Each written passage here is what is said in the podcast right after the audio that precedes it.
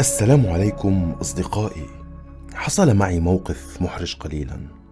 كنت في النادي قبل بضع أيام وبحكم عملي وأنا معروف باختصاصي بين الشباب تقدم أحد الشباب في النادي إلي وسألني عما إذا كنت قد سمعت عن الفياجرا الأسيوية الجديدة. بالحقيقة لم أسمع بها. فهذه ليست اسم دواء ولا اسم أعشاب رغم أني مطلع على كل المكملات القديمة والحديثة.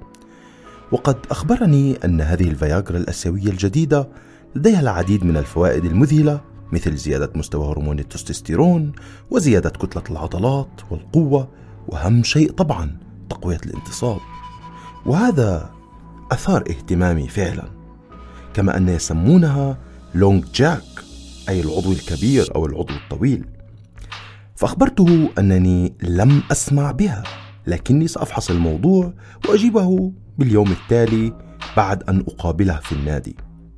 وبالفعل بحثت عن هذه الفياجرا الأسيوية أو اللونج جاك وتبين لي أن القصد هو تونكا علي والغريب والمصادفة بهذا الموضوع أني تكلمت عنها بالفيديو السابق وأنا فعلا أحب هذه العشبة كثيرا وأنصح بها بشكل معين طبعا وخاص وليس أي نوع من التونكة علي لأن النبتة لها عدة أنواع. ويجب استخدام نوع معين ومن الجذر وليس الفروع كما ان الاستخدام يجب أن يكون بجرعة معينة وبطريقة معينة كي تستفيد منها. وكل هذا شرحته بالفيديو السابق. إنني لم أكن أعرف أن الناس قد أطلقوا عليها هذا الاسم الفياجرا الأسيوية.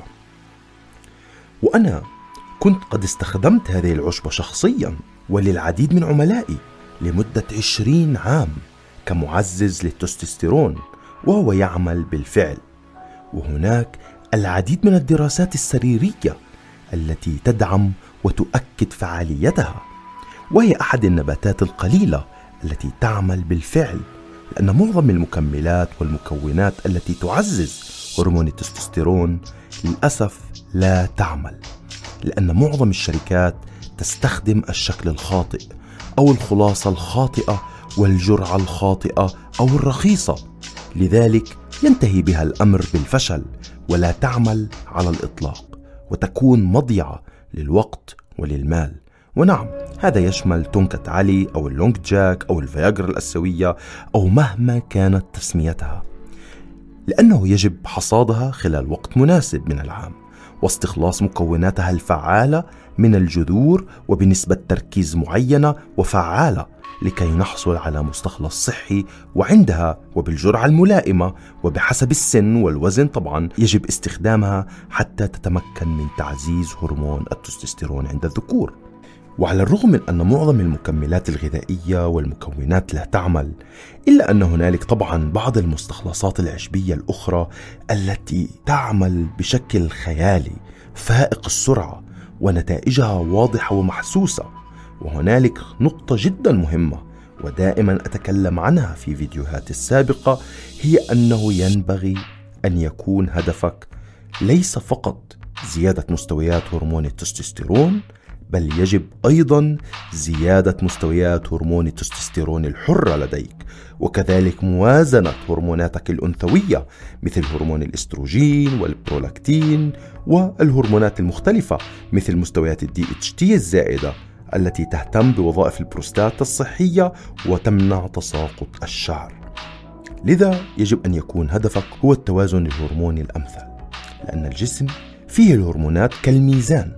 في كفته الأولى ترى الهرمونات المقوية جنسيا والمكبرة للعضو والعضلات والمقوية للانتصاب ومنها التستوستيرون والتستوستيرون الحر وفي الكفة الثانية توجد الهرمونات السلبية المضعفة جنسيا وهي الهرمونات الأنثوية التي ذكرتها سابقا وهرمونات الإجهاد مثل هرمون الكورتيزول وغيرها من الهرمونات الأخرى. وإذا تخلصنا أو قللنا من هذه الهرمونات المضعفة جنسيا نكون بشكل غير مباشر حسنا أو كبرنا من نسبة الهرمونات الذكورية لديك وحسنا قوتك الجنسية لأن كفه الميزان من الهرمونات المقوية جنسيا سوف ترتفع إلى الأعلى لأنها كما أخبرتكم كالميزان. وهذه طريقة أفضل وأكثر فعالية من أن تقوم بزيادة التستوستيرون بشكل مباشر. لذلك أنصحك بحياة صحية واستخدام المكملات المقوية هذه مثل التونكت علي لكن ليس أي نوع وإنما الأنواع الخاصة التي أنصح بها.